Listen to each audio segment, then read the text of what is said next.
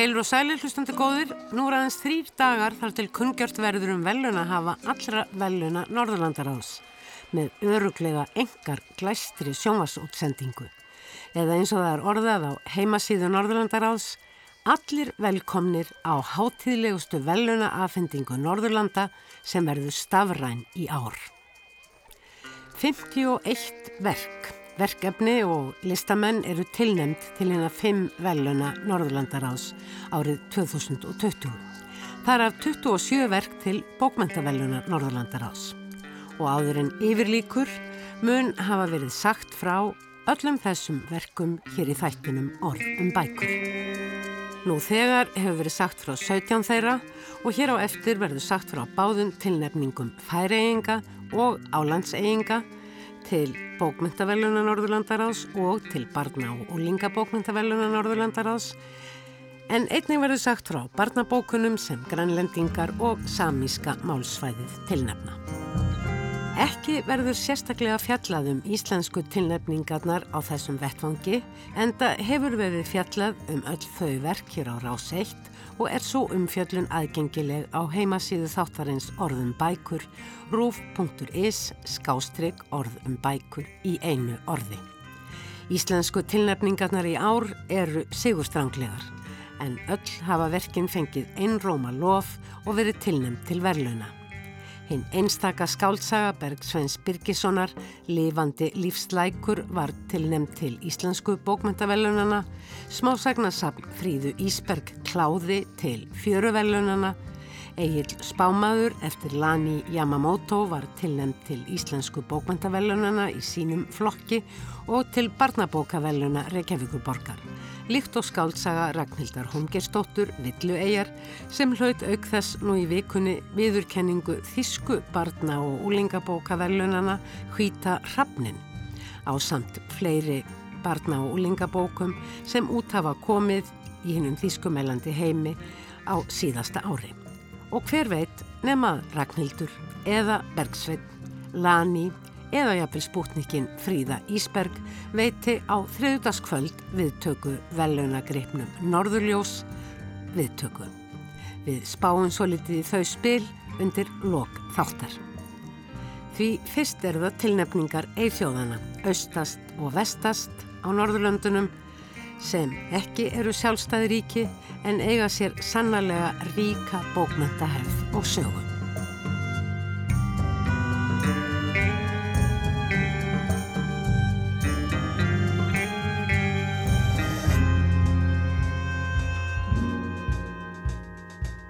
Álands eigingar tilnefna ljóðabókina nér vendkrets legs mút vendkrets þegar kvarfbögur leggst af kvarfbög eða þegar kvarfbögar mætast. Höfundurinn Mikaela Nýmann er búsett á Nýjasjálandi og hefur þar í landi byrt ljóð og smásögur í blöðum og tímaritum en hún er mentuð í skapandi skrifum. Áður hafði hún lagt stund á Afríku og Asjúfræði meðal annars við Viktoríu háskólan í Wellington og háskólan í Kvinsland. Í tengslum við rannsóknir sínar hefur hún búið á ýmsum Kirrahafsegja sem og í Zimbabwe í Afríku og hún hefur starfað lengi sem bladamadur. Hún vann doktorsrannsókn á Vanuatu-eigjum þar sem hún tengdi svo kolluð eftirlendu fræði, það er arfleð nýlendu tímans og bókmöntir og sapnaði sögum kvenna á eigjunum eins og þær sjálfar segja þær og vinnur nú að útgáðu þessara sagnar. Vanuatu er 83 eigja klasi í Suður Kirrahafi sem á nýlundu tímunum og langt fram á okkar daga var kallað nýju söðuræjar en hefur nú verið sjálfstætt líðveldi í 40 ár. Ljóðabókinn Þegar kvarfbögar mætast kom út árið 2019 og er fyrsta bókin sem Mikaela Nýman sendir frá sér en fyrir á þessu ári kom svo út skáltsaga eftir hann á ennsku. Sato heitur hún og gerist í Vanuatu eftir kvirvilbilin mikla sem gekk yfir eigjar í Suður Kirrahafi árið 2015. En svo titill tilnæmdaverksins þegar kvarfbögar mætast vittnar um er í þeirri bók fjallað um mót menningar heima en bókin fjallað líka um personulega sorg sýsturmissi. Ilmur af kókos Ég borða því ég verða að gera það, til að hafa orku til að vera hjá þér. Krytta með timjan til að fá kjark og styrk, tíni kvítþyrna fyrir hjartað, treysti á töfra sítrónumelisunar gegn ástarsorg, álandsrætur gegn listarleysi og hósta, maðki magan, anís karamellur gegn sting og krampa. Fylli vasana af fjólum, gljáandi blómblöð fyrir hugsanir þínar, kaupi gleimsku með röðvíni, gardabrúður og humalþjættu öli, læt kókosfitu bráðna í sára hröfur húðarinnar, borða svo pillutnar, hafi eitthvað blandast sama við til að vera selskapsleg, venjuleg, skapleg að minnstakosti. Vera í lægi, einfaldlega þanga til ég, ilmandi af kókos, nálgast rúmið þitt rimlum gyrt með allar þessar slöngur, póka og pípandi tæki. Hér renna náttúra, landslag og afurðir álandseiga saman við náttúru, landslag og afurðir hinumegin á hnettinum. Undir lokbókarinnar þegar allt er yfirstaðið, missirinn hefur verið staðfestur, blikka jafnvel hæsta fjallið á álandsegjum Ordals Klint og nýsjálenska eldfjallið Mount Taranaki hvort til annars líkt og tveir vitar úti á alheims hafinu. Ljóðið Ilmur af Kókos er einfalt en flest ljóð bókarinnar þegar hvarbögar mætast eru margslungnari. Hátækni hjógrun fléttast saman við náttúruvernd, frumbyggja menning við siðvenjur norðursins og bókmentir úr ýmsum áttum kallast á. Og svo er það spurningin um trúna. Þetta eru personulega ljóð um personulegan missi, um það að vera langt í burtu að heiman en samt heima, það sem valið hefur verið að búa. Föður afi Mikaeli Nýmann var þektur skálsagnahöfundur og álandsegjum á sinni tíð og líka prestur og í ljóðinu Steinflísar spyr ljóðmælandi Ég óska að ég geti tala við þig, afi, spurt hvernig skuli finna trú sem ekki er á sínum stað. Sjáðu, ekki hjálpaði það sýstur minni.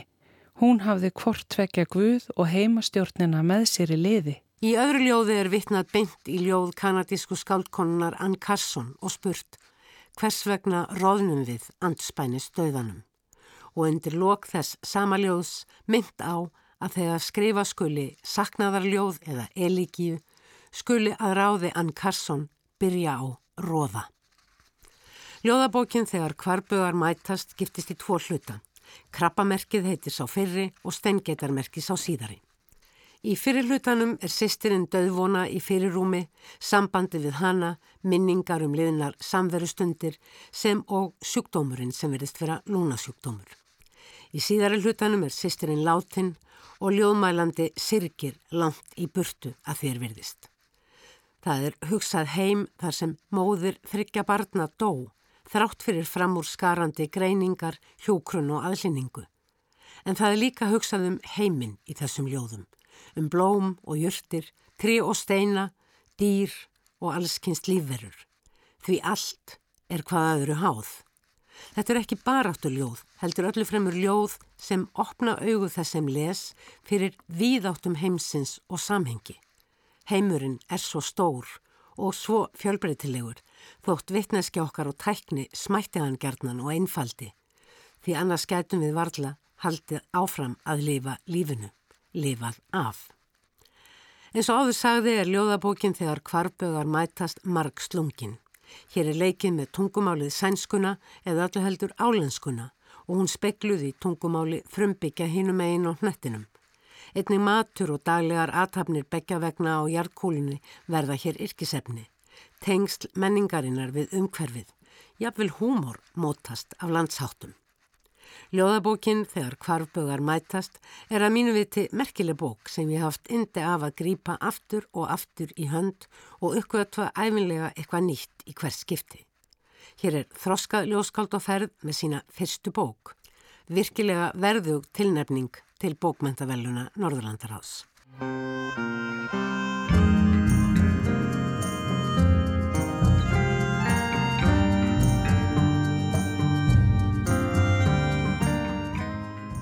Dágóðan spöl til vestus frá álandsegjum rýs annar eigaklasi úr hafi færiðar. Þar býr Ottfríður Marni Rasmussen, ljóðskáld útskrifaður úr danska rittöfundaskólanum og líka kennari og nú tilnemdur til bókmæntavellunar Norðurlandar ás fyrir fyrstu skáldsögu sína sem eins og nokkur önnur verk sem tilnemd eru til bókmyndavellunar Norðurlandar ás á því herrans ári 2020 fjallarum sjúkdóm og dauða og það er varla hægt að segja að káputekstina á baklið bókarinnar hveti beinlinis til þess að lesa hana. Það er ekkert ljóðrönd við heilaægsli. En það er ekki allt sem sínist. Því bók Ottfríðs Marni Rasmussen um tíman, um það byl heilt ár með eiginkonu sinni Elsu sem fær heilaægsli er einmitt ljóðræn. Í lýsingunum á hverstastlífi hjónana, í aðdraðanda þess að hún deyr og þess sem þá tekur við. Já, Elsa deyr en áður en að því kemur þarf eiginmaðurinn og ljóðskaldið Janus að takast á við erfiðar og afar óvennilegar aðstæður. Skrifa á það hvita, leita í því myrka. Elsa dró sangina alveg upp að hálsi og boraði hökunni ofan í hana. Íbúðin endurómaði ekki neitt. Skrifa á það hvita, leita í því myrka, endur tók hún um leið og gespi líkt og leiði við ljóst andlitið og hvarf hægt ofan í órólega drauma hennar. Röttin var sifjuleg og tóm. Annar fótlegurinn stakst undan sanginni. Ég straug mjúka húðina innan á lærinu og hún dróð djúft andan. Kunnulegt hljóð. Púlsæðin á hálsi hennar sló reglulega. Ég láfi hlið hennar og hlustaði á vandadráttin. Inn og út, eins og kvinur í fjarlægri brimöldu. Inn á milli heyrðist mjóróma hróta. Hárið flætti yfir kottan og yfir andlitinu kunnulegur skuggi. Hún líktist litlu leikfangi sem hafi kastast upp á sandströnd og beði nú eftir því einhver kæmi og leki sér að því og kæmi því síðan fyrir á tryggum stað. Úti fyrir var stilt og dimt, líkt og inni í sofandi dýri. Draumar Elsu voru læstir inni. Ég gæti ekki komist inn í drauma hennar. Engin gæti komist inn í drauma hennar. Ég lág vakandi alla nóttina, lág og horfið á hana. Það er ljóðskaldið Janus sem segir söguna í fyrstu personu. Þau Elsa hafi verið gift lengi. Elsa bjargað honum hjálpaði honum að hætta að drekka og hjælt honum við skriftirnar. Farðin í herbergi, sagði hún gertnan. Þar er blaðið. Þau hafa ekki eignast börn og þótti það vissilega miður, en þannig var það. Á endanum fenguðu sér hund sem þau kalla einfallega hund. Hundur skapar náttúrulega reglu í heimilislífið sem er heldtekið þegar sagan gerist. Í upphafi sögunar er sjúkleiki Elsu komin nokkuð langt en í upprýfum Janusar fáum við lesendur að vita hvernig allt byrjaði með málstóli, rugglingslegri tjáningu, hana mantar orð og hún man ekki. Hún verður reið jáfnvel ofveldusfull. Hún er lögðinn til rannsóknar, hvítir englar hlaupa fram og aftur um ganga sjúkrahúsana með pröfur í glösum, henn er íttinn í hólka og það eru sett skaut á höfuð á henni aftur og aftur ný leif reynd, þau fljúa líka til kaupanahafnar, það er skorið, en allt kom fyrir ekki. Ægslið held áfram að vaksa. Að endingu var Elsa að hætta að mæta í vinnuna þar sem henn undir lokin hafði helst verið treyst fyrir því að ljósrita og fara með skjöl á milli herbergja, hún sem var sérfræðingur. En svo gátt hún það ekki einu sinni. Nú er hún heima, stundum róleg, stundum alveg óð, oftast þó róleg. Raular stundum tímunum saman og ruggar fram og aftur. Hundur gætir hennar stund og stund, svo Janus getur endrum og sinnum mætti hlutastarf sitt í bókinni, bókabúð í Þórsöfn þar sem Pál ræður ríkjum. Pál sínir allan hugsanlegan skilning og það gera líka margir aðrir, vinir og ættingjar. Það er gott, en stundum líka erfitt. Dagarnir líða, Ljóskáldið Janus hugsar og minnist. Horfir á konuna sína sem hann þekkir ekki lengur. Stundum skrifar hann í grænubókina. þar sem hann hefur sapnað saman tilfinningum sínum, sett þær í orð áður en þær gleymast. Eða er kannski betra að gleyma og sakna þá ekki. Elsa lá á sófanum og svaf. Ég stóð hjá henni. Andlit hennar kringluleitt og grátt, jafnvel grænleitt. Þessi fallega manneskja sem láðan í sófanum og dopnaði æg meira. Rottnaði bara sísona. Hér lág líkami fullur af livjum sem drápu bæði sjúkarfrumur og helbriðar. Tunglformað höfuðið, liturinn, hinn elskaða manneskja Elsa var bara til í minningunni. Henni vestnaði. Hún þurfti ofta leggjast inn. Ég gæti ekkert skrifað, ekki einu sinni í grænubókina. Hún var þarna Ég las í henni af og til til þess að finna fyrir öllum þeim tilfinningum sem hafðu farið um mig. En það sem ég hafði skrifað virtist mér nú ekki segja neitt. Vera svo meinlaust að það veri eins hægt að henda því í ruslið. Það kemur að hinnum óumflíjanlegu endalókum og í kjálfarið svo margt sem þarf að undirbúa áður en allt er komið í kring. Hann er með pittlu í buksnavasanum í jarðaförunni. Hún er búin að vera þar nokkra hríð en þegar allt er afstæðið, ekkert lengur sem kallar, er komið að pillunni. Hinnu óumflíjanlega falli alkoholistans þegar myrkrið er það eina og hvitt blaði til að skrifa á viðis fjarrri. Eitt daginn kemur hann heim eftir að hafa heimsótt Pál í bókabúðina og það er einhver í íbúðinni. Það er Rósa. Hann hafi vist bóðið henn að gista í vinnuherberginu nóttina áður eftir því sem hún segir. Hann man ekkert. Hún heldur áfram að gista í vinnuherberginu, þrýfur, býr til mat og spyr hvort konan á myndunum komi bráðum heim. Hún fer ekki með honum út að drekka, að minnstakosti ekki til að byrja með. En hún er heima þegar hann kemur heim.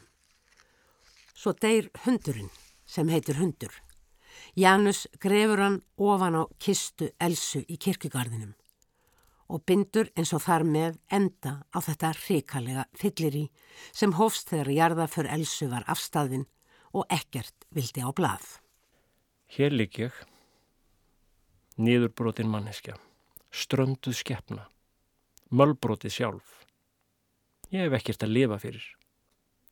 Jóð og bje, sem ég langar mest í, hefur verið held nýður í nýðurfallið.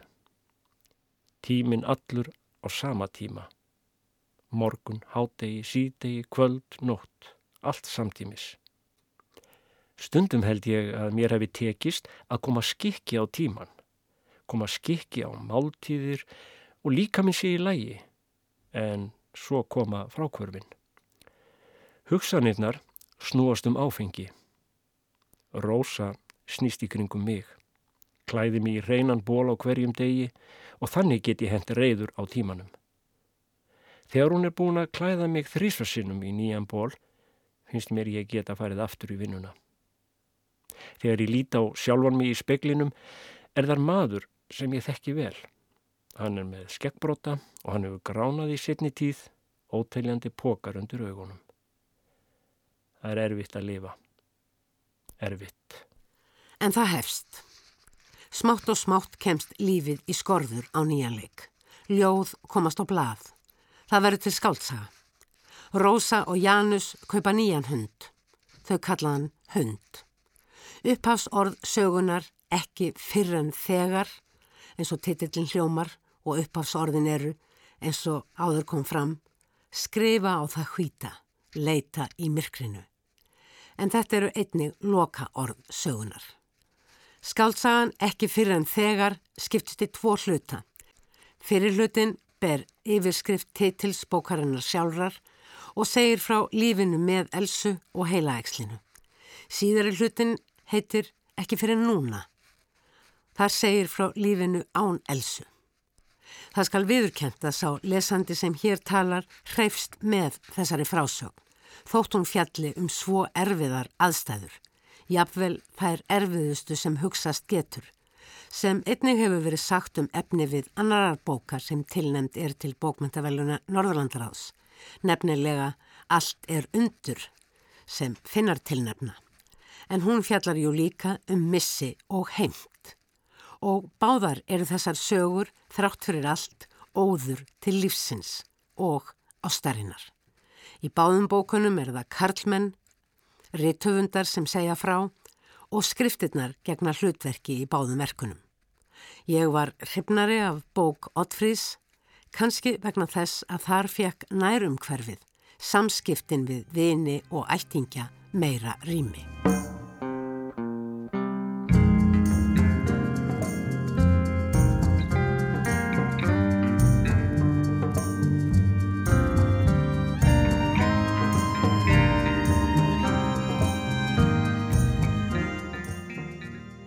Sjálfstjórnaríkjum Norðurlandana færi um Grænlandi, Samíska, Málsvæðinu og Álandsegjum er í sjálfsvald sett hvort þau kjósa að nýta rétt sinn til að tilnefna eitt verk til bókmyndavelluna Norðurlandaráðs sem og eitt verk til barna- og úlingabókmyndavelluna Norðurlandaráðs.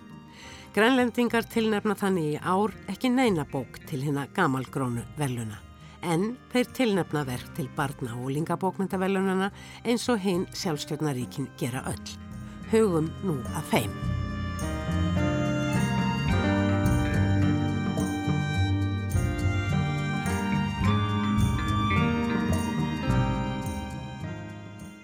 Grænlendingar tilnefna nokkuð langa jólasögu til barna- og úlingabókmyndavelluna Norðurlandaráðs.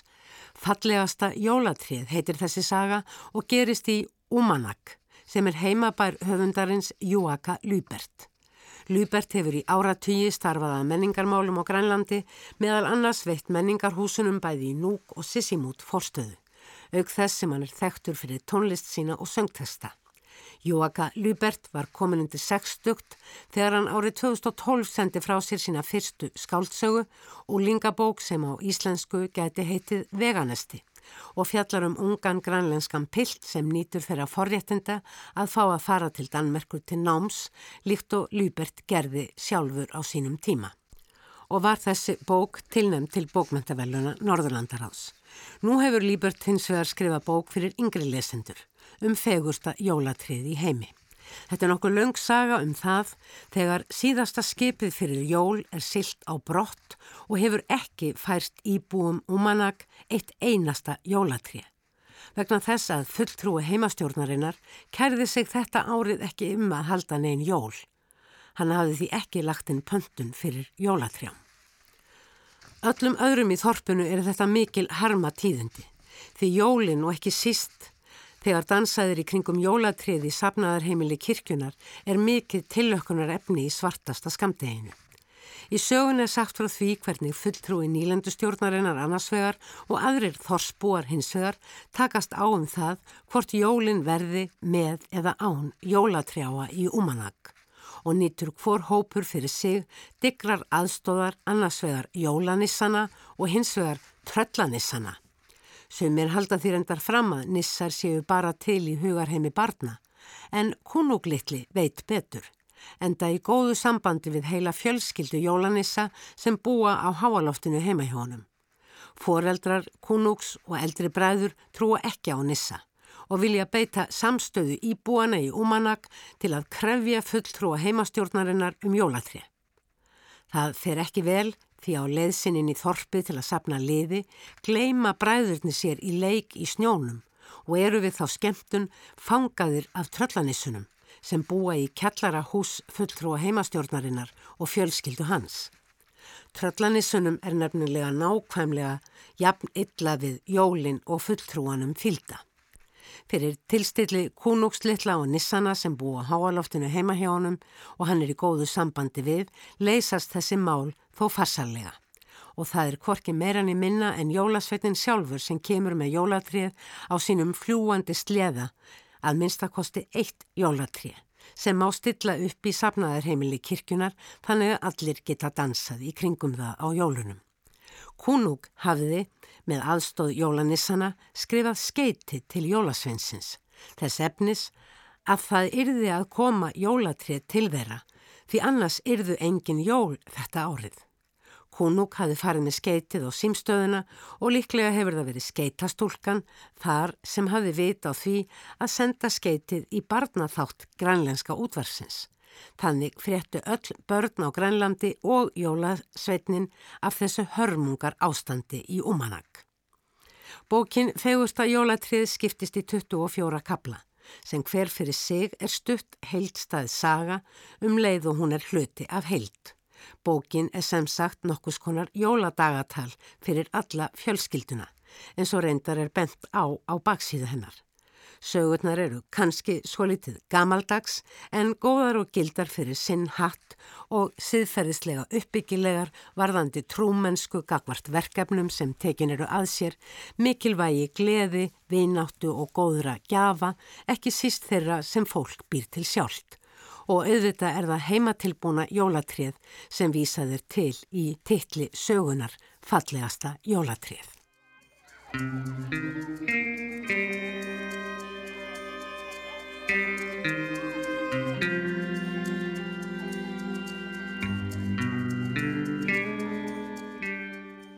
Bækurna sem færiðingar hafa tilnæmt til barna og úlingabókmentaveluna Norðurlandaráðs undan farin ár hafa oft verið algjörlega einstakar. Má þar minna á bækur Bárðar Óskarssonar sem fjekk barna og úlingabókmentaveluna Norðurlandaráðs árið 2018 fyrir sína einföldu en fallegu bók Tríð sem eins og fleiri bækur Bárðar, Flata Kaninan og Hundurinn, Kötturinn og Músin hafa verið þittar yfir á íslensku. Rakel Helmstall, brúðugerðarkona, skáld og myndlistamadur sem nú er tilnemd fyrir bók sína Griftu mig eða Loftar tú mér er líka íslenskum lesendum barnabóka kunn í tengslum við skrimslabækurnar vinsælu sem við kennum yfirlegt aðeins við áslögu Jónsdóttur en meðhauðundar áslögar eru þau Rakel Helmstall og normaðurinn Kalli Guttler. Fyrir bækurnar um litla skrimsli og stóra skrimsli hefur þetta þrýeiki fengið íslensku Dimalimvellunin fyrir myndgerðina, íslensku bókmentavöllunin í flokki barnabókmenta og í tvígang hafa bækur úr þessum flokki verið tilnemda til bókmentavelluna Norðurlandaráðs og reyndar að ég held fleiri velluna. Rakel Helmstall hefur svo líka ein og sjálf sendt frá sér fjölmarkar bækur, bæði fyrir fullorna og börn og hlotið velun fyrir og viðurkenningar. Engum fyrir barna og lingabækur sínar, en í fyrra var Rakel á Sant Katarínu frá Skarsá tilnæmt til barna og lingabókmentaveluna Norðurlandarás fyrir bókina Miljölötur og áður hafðum verið tilnæmt til sömu veluna fyrir ljóðsöguna um ferðarlægið yfir regnbóan sem er ætlið úlingum. Rakel er líka einum hittuna í bókinni sem nú er tilnæmt. Það er að segja hún gerir bæði myndir og texta. Í henni gullfallegu bók, Lofta tó mér, Grípurðu mig, hefur brúðugerðarkonan aldeilist látið til sín taka. En á myndum bókarina sem ná alveg yfir hverja opnu fyrir sig getur að líta sviðsetningar þess sem textin segir frá, við fjölbreytilegan bakgrunn. Tré gegnir mikilvægur hlutverki sögunni, það er mótað með finlegum výr. Líkt og brúðurnar sem sína aðalpersonur sögunar, litla bróður, stóru sýstur og stóra bróður. En þau hafa hendur og fætur mótaðar í leir um výrin, auk þess að þær eru klættar fínustu fötum, kliftum og límtum úr allskins úrgangs efnisbútum sem koma kunnulega fyrir sjónir. Þetta eru fallegar og skemmtilegar fígúrur með hvít eglaga höfuð og svarta punkta fyrir augum. Á litiríkum undur fallegum síðunum fylgjumstu svo með sískinunum fyrst litla bróður sem vil komast upp í efstu greinar trésins líkt á krákurnar. Það tekst honum með því að velta stórum kassa að trénu, klifur upp á hann og þegar það dýr ekki til að kvolva fötu og stíga upp á hana. Þar með er hann komin upp á neðstu greinina og getur síðan klifrað herra og herra. Og þannig séð hvernig stóra sýstir hleypur á harða kani með flugdregan sinn og virðist agnar lítill. Bókin er kablaskipt þannig að við fáum líka sjónarhorn stóru sýstur og síðar stóra bróður. Sískinin eru ein heima og stóri bróður á að hafa auga með þeim litlu. Foreldrarnir höfðu farið til að hjálpa Ava og ömmu að taka til eftir erfiðrykkjuna en jarðaför langömmu hafði farið fram daginn áður. Stóri bróðir er leiður og sorgmætur. Hann saknar langömmu þótt hann hafi verið orðin hundrað ára og óskup þreytt. Hann mann hins vegar svo vel eftir sögunum hennar og ilmandi kardemómibólunum sem hún bakaði fyrir hann þegar þau voru öll yngri, sískinin. Augu stóra bróður fyllast aftur og aftur af tárum sem hann reynir að láta falla ofan í tóman brunn svo enginn sjáu. En svo gerist margt í einu. Sistir dettur á rassin og missir takið á flutreikanum sem svífur upp og festir sig í trénu. Krákurnar fælast og fljúa, krunkandi um kring. Littli bróður hins vegar hlær hástöfum uppi í trénu og kallar Grípiði mig þegar ég hoppa og þar með hefst síðast í kapli bókarinnar sem heitir Tríð og stjörnundar. Eitt andartak er allt kyrt. Littli bróðir á greininni, sýstir sitjandi undir trénu, stóri bróðir standandi við brunnin, drekin í trénu, krákurnar í loftinu. Alheimurinn er frosinn, allur eins og hann er. Svo gala tvær rattir í kór. Nei bróðir, ekki hoppa. Littli bróðir hættir að hlæja. Akkur ekki? Stóru sískinin keppast við að leiða litla bróður fyrir sjónir að hann megi alls ekki stökva, heldur verðan að klifra niður sömu leið og hann fór upp. En litli bróður vill hoppa. Grýpur um mig, stóri bróður? Nei, svara stóri bróður, þú ert á þungur og fellir í jörðin og deyrð eins og langama. Það líst litla bróður vel á, því þá fara hann eins og hún upp til stjarnana og þá geta hann líka hitt hana. Stóru sískinin er orðin mjög hrætt og reyna að sannfæra Lilla Bró um að hann komist aldrei nokkuð tíman tilbaka ef hann fari upp til stjarnana. Ekki eftir tvota og heldur ekki fimm, heldur aldrei, aldrei.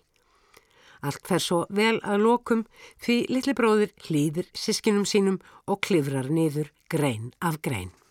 Þau ganga öll þrjú niður brekkuna og leiðast. Svo stoppar litli bróðir, snýr sér að trénu. Ég býð með að hoppa þanga til að ég verð hundra ára. Þá grýpurum mig, sýstir.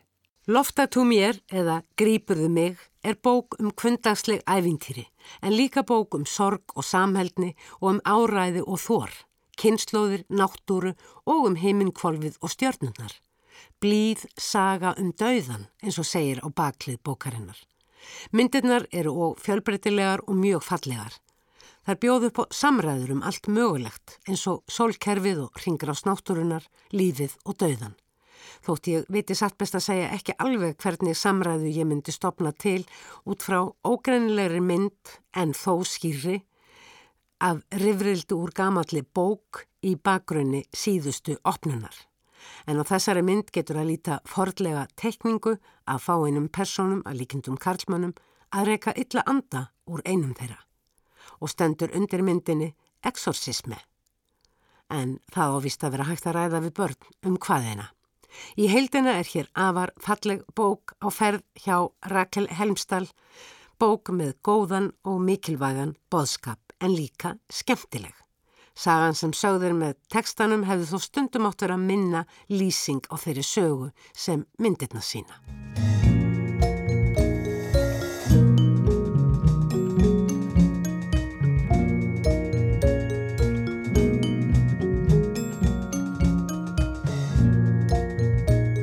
Samíska málsvæði tilnefni til barna og úlingabókmyndavelluna Norðurlandaráðs sögu um það hvernig Norðurljósin fengu litadýr sína.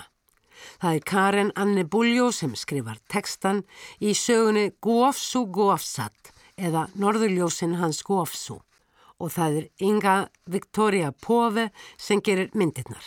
Það eru fallegar myndir, litrikar og naturalískar, gerðar með vastlitum sem umvefur þær döluð kannski svo litið gamaldags, eins og reyndar sagan líka.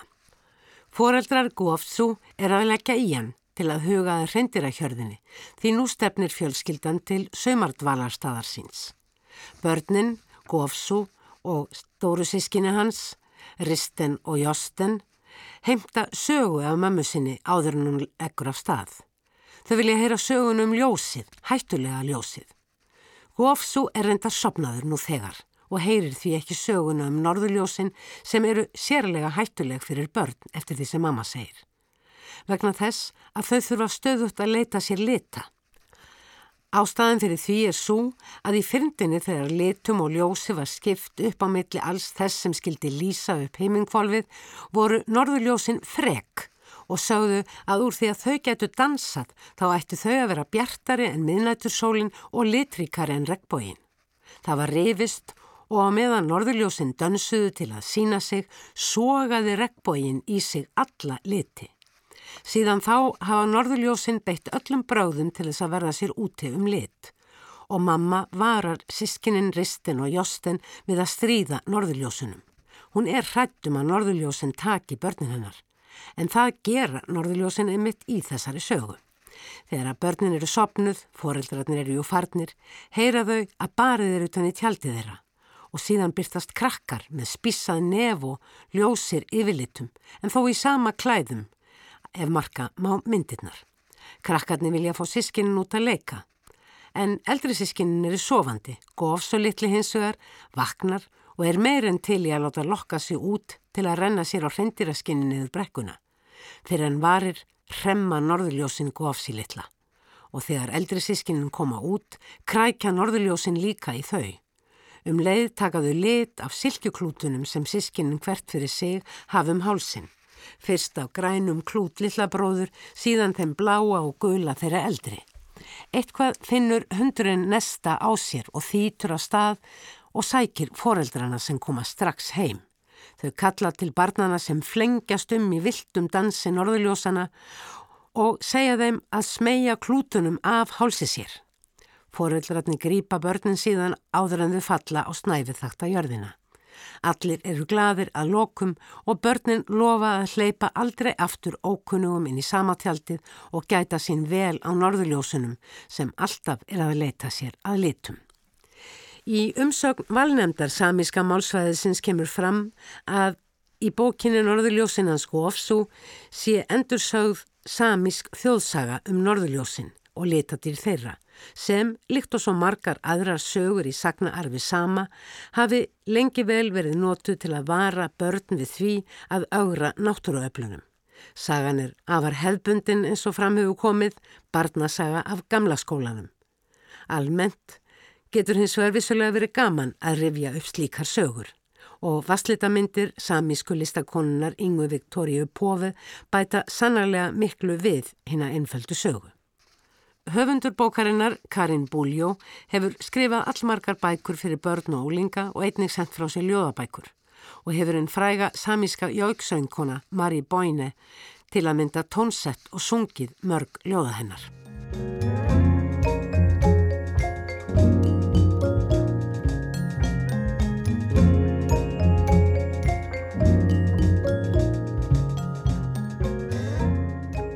Þá er komið að því að gömgæfa skáldsöguna sem álendingar tilnefna til barna og úlingabókmentaveluna Norðurlandar ás. En skáldsagan Sigurvegarinn eftir Karín Erlandsson er stór og mikil. Sigurvegarinn er fjórðabókin í miklum ævintýra sagnabálki um vinkonurnar Mýröndu og Sirsu sem þegar hér er komið sögu í fjórðu bók flokksins ferðast enn um hafið mikla sem mun vera sögusvið allra bókana og þær eru að leita hinnu svo kallaða auga en það er perlan sem allir þrá og þetta æfintýri snýst um en það er yfir titill fjórleiksins Góðsögnin um augasteinin. Fyrsta bókin í þessum flokki Perlukavararnir kom út árið 2017 og þá strax tilkynnt að vonværi á þremur bókum til viðbótar í flokknum. Fyrir perlukavarana var Karin Erlandsson einnig tilnæmt til barna og úlingabókmæntaveluna Norðurlandaráðs, auk þess sem hún var tilnæmt til hennar gamalgrónu veluna árið 2015 fyrir skáltsögu sína Mingarnir. Í perluköfurunum sem er fyrsta bókin í fjórleiknum er sagan um augað eða augasteinin, perluna eftir sóttu, rakin til ungra stúlku sem stöðugt starði út á hafið í þrá eftir engverju sem þar glitraði. Móðurinn varð örg yfir þessari þrá, stelpunar sem kannski mætti kalla þráhyggju og hún óð út í sjóin og kastaði þessu sem glitti á út í hafsöga. Við það var stúlkan blind og æfintýrið um perlukavarana í mikla hafi gatt hafist. Æfintýri sem hverfist um leitina að auganu sem allir þrá og er þeim eiginleika gætt að það læknar allar þrár. Stóra hafið eða mikla hafið er megin sögust við allra bókana fjögura því það er á botni þess sem perlurnar er að finna og einhver staðar er þessi eina augað eða augasteytnin. Allir perlukafarar leita að augasteini um leið og þeirra aðalstarfi og lífsviðurværi er að draga aðrar perlur upp í báta sína til þess einfallega að selja í bæjum og borgum landana í og við Miklahaf. Perlukafarinn Miranda er aðal persóna allra bókana á samt skjólstaðingi sínum Sirsu sem síðar verður besta vinkona Mirandu og samverkakona þótt hún sé talsvert yngri að því er virðist. Auk þess eiga báðar sameinlegt að hafa mist annan handleikin í kæft ólegs hákarls og þær hafa líka báðar mist feður sína og fjölskyldur. Þau hörfu öll í eftirsóksinni eftir auganu. Sirsa býr yfir þeim hæfileika að geta sungið til sín fegustu perlutnar. Þó ekki augað að mistakosti ekki lengi vel.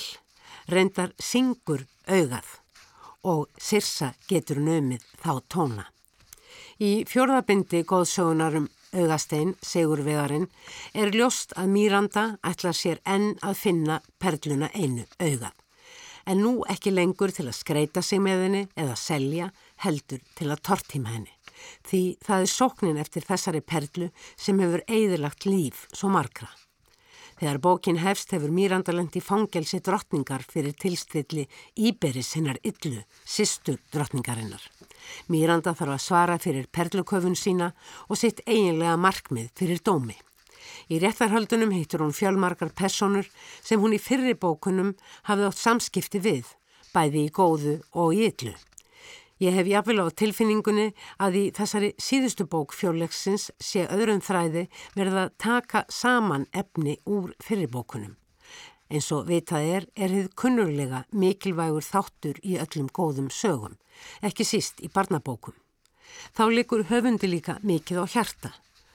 Karin Erlandsson vil greinilega nota sína einstaklega lifandi frásagnargáfu til að fjalla um mikilvæg mál eins og vináttu, ást, ábyrð og síðast en ekki síst er það þráin sem augljóslega er einhvers konar yfir tema í þessum mikla sagnabálki og sem ég hef reyndar ekki kynnt mér í heild.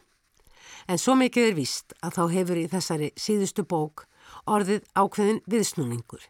Því þótt Míranda vil ég finna auðastein er það ekki til að notan eða hagnast á honum eins og áður sagði heldur til að tortim honum. Eftir mikil réttarhöld, sannendafæslur próf og þrautir, allt samkvæmt frásagnarfræðunum, tekst Míröndu að sannfæra drottninguna um mikilvægi þess að tortíma auganu perlunni einu sem allir þrá en getur líka bundið enda á allar þrár. Hér er á ferðinni klassísk ævintýra frásögn, þar sem hver atbyrðar á sinn annari ævintýralegri og meira spennandi rekur aðra. En það er líka mikið myrkur í frásögninni og margar hrollveikjandi ógnir sem stúlkurnar Miranda og Sissa þurfa að takast á við, saman og hvori sínu lægi. Undir lok bókarinnar eru þær komnar með augað og með saminuðu átaki þeirra og ótal annara íbúa bæjana við Miklahafið koma þau perlunni blindandi, það er að segja án þess að horfa á hvað þau er að gera ofan í jörðina. Manneskjurnar munum með öðrum orðum ekki þurfa að óttast að þráin verði frá þeim tekinn því það er þráinn sem gefur okkur kraft til þess að takast ávið og klára erfiðari verkefni en við höfðum ímyndað okkur að við gætum. Míranda hugsa reyndar undir lokin hvort lífið væri ekki stundum einfaldara án þess að tilværi þrá. Þá skal tekið fram hvað það er einstaklega skemmtilegt að lesa bók, ekki síst fantasíu, þar sem stelpur og konur eru æfinlega í framlínunni og í brenniteppli. Eginlega tók ég ekki almennilega eftir þessu fyrir ég var komin langt með bókina sem kannski segir sína sögu nefnilega að við erum komin svo litið áleiðis í jöfnun hluta á milli kynjana. Ef markam á Sigurvegaran er fjóruleikur Karínu Erlandsson um góðsöguna um augasteinin stórmerkilegur úlingabókaflokkur sem bæði hefur til að bera æfintýralega spennu og örfun til að hugsa um margvíslega hluti í tengslum við mótsagnirnar sem feilast í því að lifa lífinu lifandi, njóta þess ekki síst með öðrum og takast á við áskoranir.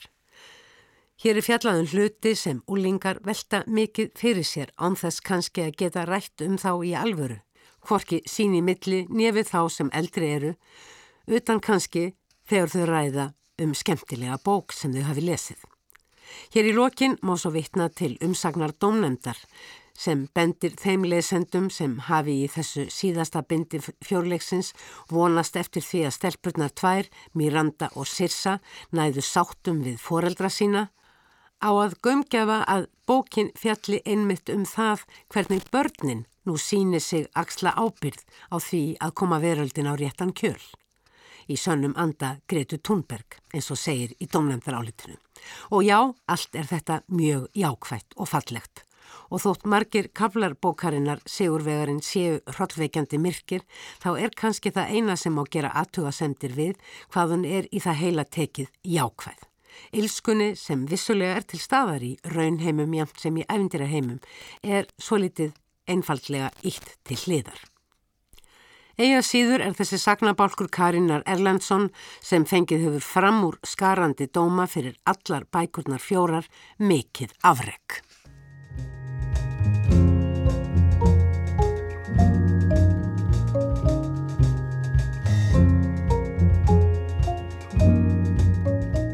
Það líður að lokum síðasta þáttar orðum bækur fyrir veitingu allra veljöna Norðurlandaráðs sem framfer á þriðudagskvöld 27. oktober stundvíslega klukkan 20.10 í sjómarpinu þínu, hlustandi góður. Reyndar er þetta líka síðasti þáttur orðaðum bækur sem frumfluttur er á þessum tíma, milli 4 og 5 í eftirmiddaginn á laugardegi en strax í november, nánar tiltekið annan november næstkomandi, verður frumflutningur þáttarins á nýjum tíma á mánudögum strax að loknum fréttum klukkan þrjú. Það verður þó áframhægt að hlusta á þáttin orðum bækur með eftirmiddagskaffinu á lögardögum því þá verður þátturinn frá mánudegi endurtekin. Sem sagt ekki á mánudaginn kemur heldur mánudaginn annan november klukkan þrjú þegar næsti þáttur orðaðum bækur í loftið og svo má auðvitað hlusta á orðum bækur þegar hendar í spilaranum og kannski líka í hlaðvarsveitum. En aftur að bókmyndavelunum Norðurlandaráð sem verða eins og áður kom fram aðfend nú á þriðutaskvöldið á samt heinum velunum ráðsins, kvikmyndavelununum, umhverfisvelununum og tónlistavelununum. Hér eru það hins vegar bókmyndavelunin sem skipta okkur öllum. Ég sagði upphafið að íslensku tilnefningarnar til begja velunana, það er bókmyndaveluna Norðurlandarás og barna og úlinga bókmyndaveluna Norðurlandarás, væru sterkar í ár. Annars vegar er tilnefnd nokkuð flókin og afskaplega vel skreifuð og frumleg söguleg skáltsaga, lifandi lífslækur eftir Bergsvein Birgisson sem býr yfir viðtækri skýrskotun til samtímans og hins vegar smásagnasafnið Kláði eftir eina ungu fríðu Ísberg sem hefur að geima sögur sem stökva beint út úr samtímanum, fjalla langflestar um ungt fólk, engum ungar konur. Villu eigar Ragnhildar Holmgersdóttur sem tilnemdi er til barna og úlingabókmyndavellunana er fantasía sem gerist fyrir hundrað árum og er laust tengt framald af skáldsögunni Koparborgin sem Ragnhildur var tilnemd fyrir árið 2016. Sagan segir frá Arildu sem elst upp í eilöndum þar sem allt er örugt og gott. Eilöndin í þann munda öðlast yfirráð yfir öllum heiminum. En svo villist Arilda í þóku og lendir í ýmsum ævintýrum eins og gerðan er sagt og kemst að raunum að mörgu í sögu eilandan er haldið lendu fyrir íbúunum svo að þeir megi einarðir stiðja við heimsa yfir ráðin á næsta leitin. Sagt hefur verið um söguna að í henni sé dreyin upp heimur þar sem tekist er á við pólitíska baráttu en á æfintýralegan hátt. Sagan um Egil Spáman eftir Lani Yamamoto er öllu einfaldari enda ætlið yngri lesendum. En það er einnig fjallaðum samfélagsmál sem líka er afar personarlegt. Egil Spámaður er nefnilega sér á báti. Hann á erfitt með tengst við aðra en býr samt yfir svo mörgu til að deila með öðrum. Saga Ragnhildar eru margt myrk og hrottveikjandi en sínir samt vel hvað það er mikil svirði að takast á við hlutina og hvað það er mikilvægt að muna, ekki síst muna saman. Sagan um Egil Spáman er öllu bjartari og Egil mann sannarlega en þar kannski aðstóðið að tengja það sem hann mann hvað við annað og aðrar manneskjur. Í ljósi allra hinnabókana sem tilnæmdara eru til barna og ólinga bókmyndavelluna Norðurlandaráðs væru hvort þessara bóka sem hinn verðu verðlunabók. En það má líka kannski segja um lang flestar þeirra bóka sem tilnæmdar eru. Myndabækurnar eru hver annari falleri og áhugaverðari. Sumar nokkuð tilrunakendar á meðan bækurnar sem ætlaðir eru eldri lesendum eru flestar Frekar hefbundnar hvað frásagnar aðferðir varðar, þó það séu undantekningar, en feimun frumlegri nær allar varðandi umfjöllunarefni og nálguna því eins og sögu samkynhegðar í Evrópu, heimilisofbeldi, döðsfall, vinar, einelti og vináttu. Einn sterkasta bókin er að mínu viti 13. sömarið eftir hinn að sænsku Gabrielu Sjöldenberg sem fjallar um vináttu tvekja úlingstelpna með mjög nýstarlegum hætti.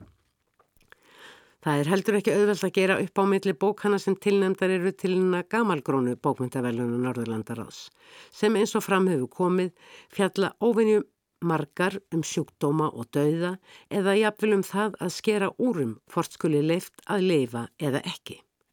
Þá lést einn höfundana hinn danski Jaja Hassan skömmi eftir að hann var tilnefndur fyrir átakanlega ljóðabók sína Jaja Hassan 2. Umfjöldunarefni þeirra skáldsagna og ljóðabóka sem aðeins eru fjórar á fjórtón tilnefningum er þó sannarlega fleira en dauði. Margar bókana fjallaðum fjölskyldur, átök en líka ástúð. Mér þykja í raun og sann að íslensku tilnefningarnar stæðu vel sem sigur vegarar. Ljóðabækur hins samíska Níla Holmgersson, Eilin og Mikaelu Nýmann þegar kvarfbögar mætast hrefu mig einnig báðar sem og sögulega skáldsagunum Wojciech eftir svíjan Steve Sem Sandberg. Í fyrra hlaut fullorðinsvelunin ungt skáld í uppreysnarhug, Danin Jónas Æka fyrir smásagnasafnið að sólinni genginni eða eftir súlen og hinn norska Kirstin Róskipte fekk barna- og úlingabókmentavelunin fyrir myndabókina Öll með tölu sem fyrir stuttu kom út í íslenskri þýðingu Sigrunar Eldjárn. Það útilókar reyndar kvorki að normenn eða danir fái velunin aftur. En mingar kannski líkur fríðu Ísberg, strax aftur ungt skáld og smá sagnarsapn. Höfundar myndabóka hafa síðustu þrjú árin tekið við velunum fyrir bestu barna og úlingabókina. En það eru snögtum fleiri myndabækur tilnemdar í ár en lengri lesmálsögur. Kanski verður einn slík ofan á, kanski villu eigar. Við vitum meira á þriðdaskvöld en fanga til má spá í spilin. Fleiri verða orðum bækur ekki að þessu sinni. Næsti þáttur verður á dagskrá mánudaginn annan november klukkan þrjú og endur tekin á gamalkunnum tíma á laugardegi klukkan fjögur. Tæknimaður var Gísli Kjaran Kristjánsson. Takk fyrir að hlusta. Verði sæl.